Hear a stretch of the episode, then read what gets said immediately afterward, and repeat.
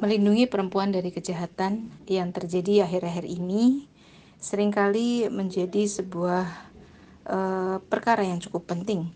Karena kejahatan terhadap perempuan memang cukup menjadi momok yang menakutkan. Ya tak hanya untuk perempuan itu sendiri tapi juga bagi orang-orang yang diberi amanah untuk menjaga kaum perempuan. Misalkan suami ataupun orang tua atau ayahnya itu menjadi sebuah masalah yang cukup berat akhirnya Nah, di pemberitaan media pun juga hampir e, karena ini bulan Ramadan ya, cukup sedikit ya pemberitaan berkaitan dengan kriminalitas. Tapi jika jika hari-hari biasa, peristiwa atau pemberitaan-pemberitaan yang berkaitan dengan mirisnya korban e, terhadap kekerasan terhadap perempuan ini juga senantiasa ada dan terus menghiasi layar kaca di media televisi kita. Dan kekerasan seksual sendiri menurut Komnas perempuan ya ada beberapa macam bentuk kekerasan terhadap perempuan yang mulai dari perkosaan, intimidasi seksual termasuk ancaman dan percobaan perkosaan, pelecehan seksual, eksploitasi seksual, perdagangan perempuan untuk tujuan seksual, prostitusi, paksa, perbudakan seksual, pemaksaan perkawinan, ya termasuk sampai cerai gantung dan lain sebagainya. Dan tak bisa dikupungkiri memang akhirnya hal ini yang kemudian menjadi korban adalah kaum perempuan. Nah, perkara-perkara seperti ini sering kali kemudian di apa di tunggangi oleh orang-orang yang memiliki kepentingan yaitu kaum feminis hingga akhirnya mereka menjadikan isu kekerasan terhadap perempuan ini menjadi sebuah isu yang cukup penting untuk menaikkan uh, standar standar dari pemikiran feminis untuk masyarakat di negeri ini. Padahal sebenarnya ketika kita melihat penyebab dari adanya kekerasan terhadap perempuan, perempuan hari ini tidak serasa tidak dilindungi. Ini sebenarnya bukanlah hanya karena pemikiran feminisme yang tidak uh, berjalan di negeri ini. Ya, bukan karena minus penerapan feminisme, bukan. Tapi karena memang kapitalisme yang nyata-nyata melahirkan kemiskinan, akhirnya melahirkan banyak sekali ketakutan. Ya katakanlah mulai dari bagaimana seorang suami yang tidak mampu mencukupi kebutuhan keluarga sampai akhirnya perempuannya dipaksa secara sistemik untuk keluar rumah mencari nafkah. Akhirnya di luar rumah perempuan mengalami banyak sekali kejadian-kejadian kekerasan seksual, korban perkosaan dan sebagainya. Di sisi yang lain juga kemiskinan di sini melahirkan mental-mental orang yang rusak ya. Di mana mereka menghendaki kekayaan dengan tanpa susah payah bekerja larilah ke prostitusi, jual tubuh mereka untuk kepentingan ekonomi semata. Nah, maraknya kejahatan seksual juga sebenarnya karena sisi lain adanya penerapan pornografi. Yang menjamurnya pornografi. Dengan sangat mudah kita bisa mengakses. Bahkan anak kecil pun bisa mengakses pornografi di media sosial. Bahkan konten-konten porno seperti itu pun mudah berpindah. Ya mudah ditemui di dunia maya.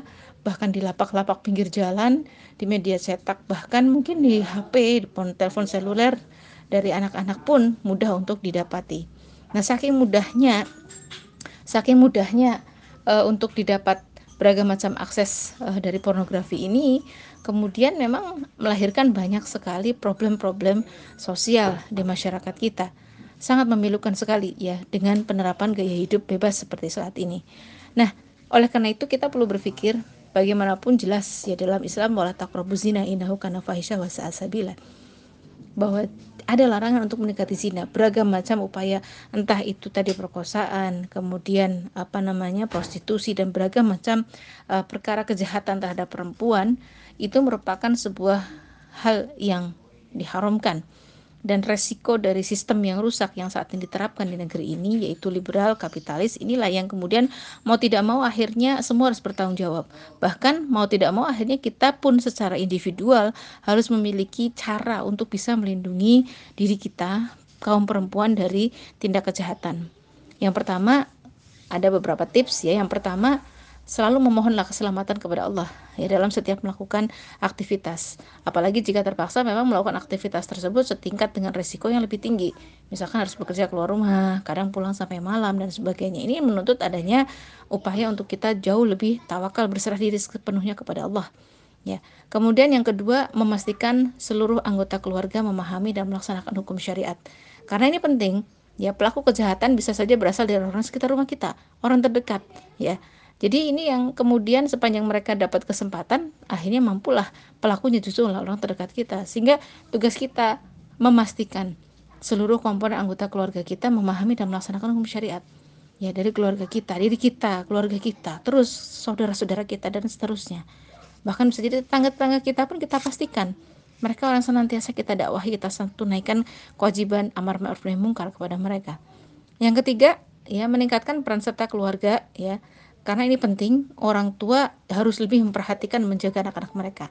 Dan demikian juga yang sudah berkeluarga suami terhadap istrinya ya harus ditingkatkan e, peran serta seluruhnya saling memperhatikan saling menjaga. Sehingga memang karena masing-masing punya amanah dalam keluarga sehingga di sinilah perempuan pun juga punya e, hak untuk dijaga. Nah yang keempat menegakkan hukum syariat di rumah. Ya misalkan menjaga kehidupan khusus khusus maksudnya khusus maksudnya menjaga kehidupan khos atau khusus di rumah yaitu menerapkan hukum yang di situ berlaku hukum khusus hanya untuk mahram saja atau para wanita saja di dalam rumah. Jadi harus tahu batasan aurat kita yang boleh melihat siapa saja, di rumah siapa saja. Kalau ternyata di rumah ada non mahram, berarti harus diberlakukan hukum-hukum tertentu. Jangan berikan kelonggaran terhadap tamu untuk masuk ke dalam rumah kecuali memang sudah mendapatkan izin dari suami atau ayah kita, perempuan itu sendiri. Jadi istri tidak boleh sembarangan menerima tamu melainkan dengan izin suaminya. Nah, ini bagi seorang istri. Bagi seorang anak perempuan harus izin berapa bapaknya. Nah, ini kan yang kemudian harus tetap dipegang, ya tegakkan hukum syariat dalam rumah. Yang kelima, menjaga dan melaksanakan hukum syariat ketika keluar rumah. Nah, ini ini juga penting sekali karena sering kali korban kejahatan seksual biasanya berawal dari uh, aurat yang terbuka. Sehingga di sinilah pentingnya seorang wanita muslimah harus tahu hukum-hukum syariat ketika dia keluar rumah. Yaitu dengan cara dia memahami pakaian syar'i seperti apa. Jilbab dan khimar dia tidak uh, bingung untuk mengenakannya dan dia tahu batasan-batasan mana yang syar'i dan yang tidak. Yang kedua selain berpakaian syar'i juga dia tidak berdandan berlebihan atau bertabaruj ya sampai akhirnya memalingkan laki-laki untuk uh, melihatnya kemudian dia tahu batasan kholwat jadi tidak boleh berkholwat meskipun di tempat umum di luar rumah yang keempat ya godel basar menundukkan pandangan ya di hadapan laki-laki sehingga supaya mereka tidak memunculkan niatan pandangan buruk dari pihak laki-laki tadi. Kemudian tidak berpergian sendirian tanpa mahram, ada batasannya. Sehingga dia harus tahu bahwa ketika dia berpergian, maka harus tahu dengan mahram, mahram terutama yang 24 jam. Satu kali 24 jam. Ya. Kemudian yang keenam, ya tips yang keenam, tidak memberikan peluang bagi munculnya kejahatan. Karena kejahatan itu bukan karena niat sang pelaku saja, tapi juga karena dia kesempatan. Nah, di sinilah perempuan jaga diri, jangan sampai memberikan peluang kepada para laki-laki ini untuk bersifat jahat ya untuk melakukan kejahatan dan perempuan di sini wajib bersifat ifah jaga kesuciannya dengan tidak melakukan aktivitas yang mengundang niat jahat orang lain ya misalkan dia tebar pesona sembarangan kepada orang lain ya terutama kepada lawan jenis nah kalau kita perhatikan orang kalau udah cantik kadung dandan. Pasti ujung-ujungnya pengen tebar pesona. Ya nggak sih? Orang kalau udah pakaiannya ketat pengen seksi pengen dilihat orang akhirnya tebar pesona. Nah loh justru Islam menjaga kaum perempuan supaya bagaimana bisa terjaga dan memang tidak sampai di dilihat dengan cara sembarangan. Jadi kalau perempuan itu nggak ngapa-ngapain aja indah ya jangan tebar-tebar pesona gitu loh. Di sinilah pentingnya jaga ifah. Jangan tebar pesona kepada orang lain. Suaranya nggak perlu dibuat mendayu-dayu biasa saja gitu ya Nah, di sini juga harus menjaga keselamatan diri kita sendiri makanya. Makanya dia jangan jalan sendirian di malam hari. Cari yang sekiranya ramai. Ya jangan lewat tempat sepi atau terima bantuan dari orang lain yang bukan mahram misalkan. Ini kan kita berarti jangan memberikan peluang sedikit pun untuk kejahatan itu terjadi kepada kita. Yang ketujuh, bijak dalam menggunakan media sosial. Ya, sehingga jangan mudah berkenalan dengan orang yang uh, kita tidak kenal di media sosial apalagi di status di FB dan sebagainya kadang kan nggak sedikit orang itu hanya sebagai kamuflase saja ya Nah ini juga jangan sampai akhirnya kita terlalu banyak curhat di media sosial atau berkomunikasi secara intensif dengan lawan jenis di media sosial yang tidak ada kepentingan sama sekali. Ya, jadi tidak memasang foto diri yang sekiranya bisa mem apa, membuat lawan jenis itu tertarik ya terpikat kepada kita bahkan pakai kamera jahat aduh apalagi itu. Yang kedelapan, berusaha menjadi perempuan yang kuat dengan membekali diri, misalkan ilmu bela diri. Nah, ini kan jadi kita harus berpikir trik-trik atau kalau perlu teman-teman belajar ya. Perempuan punya kemampuan bela diri yaitu baik. Kalau udah kadung belum belajar bela diri, ya udah kita latihan nih trik-trik kalau sekiranya saya dipegang ininya saya harus ngapain. Kalau jadi ini harus tetap dijadikan itu jadikan sebuah pemikiran di alam bawah sadar kita ya, pemikiran kita supaya nanti ketika berada dengan demikian kita lebih percaya diri kita punya triknya jadi ditambah lagi di tas nih sedia selalu sedia alat-alat tertentu yang sekiranya bisa menjadi senjata untuk orang-orang yang memang berniat jahat kepada kita. Jangan mudah panik ketika pun nanti terjadi hal demikian. Berani melawan, ya bahkan kalau perlu lumpuhkan pelaku kejahatan tersebut. Wah mantap dah. Nah yang kesembilan, tetap istiqomah dalam barisan orang-orang yang selalu menolong agama Allah. Ini juga penting bagian dari dakwah amar ma'ruf nahi mungkar karena intang surullah yang surkum jika kita ingin ditolong oleh Allah maka tolonglah agama Allah. Jadi kita ingin amar ma'ruf mungkar terus ditegakkan di muka bumi insya Allah kita pun akan dilindungi oleh Allah. Karena kita adalah bagian orang-orang yang mencegah terjadinya kemungkaran di muka bumi.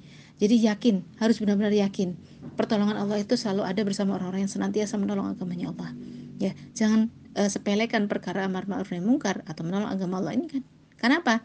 Karena secara tidak langsung sebenarnya yang memiliki andil besar terhadap diri kita itu adalah Allah. Nah, terkadang diri kita, sikap kita yang secara tidak langsung memberikan andil yang sebenarnya di situ menjadikan penyebab munculnya kejahatan terhadap diri kita. Nah, inilah yang kita harus hati-hati. Makanya, tetap istiqomah dalam barisan orang-orang yang soleh, senantiasa menolong agama Allah. Jadi, di sinilah kita harus sadar penyebabnya karena adanya liberalisme kapitalisme dan sekularisme hari ini menyebabkan orang akhirnya melakukan banyak tindak kejahatan di mana-mana. Keamanan serasa mahal. Dan kita kaum perempuan ada 9 tips tadi yang saya sampaikan. Semoga bermanfaat dan semoga bisa menambah kekuatan kita untuk mencegah ya beragam macam tindakan kejahatan yang sekiranya uh, memungkinkan terjadi bagi uh, kaum perempuan. Sekian. Assalamualaikum warahmatullahi wabarakatuh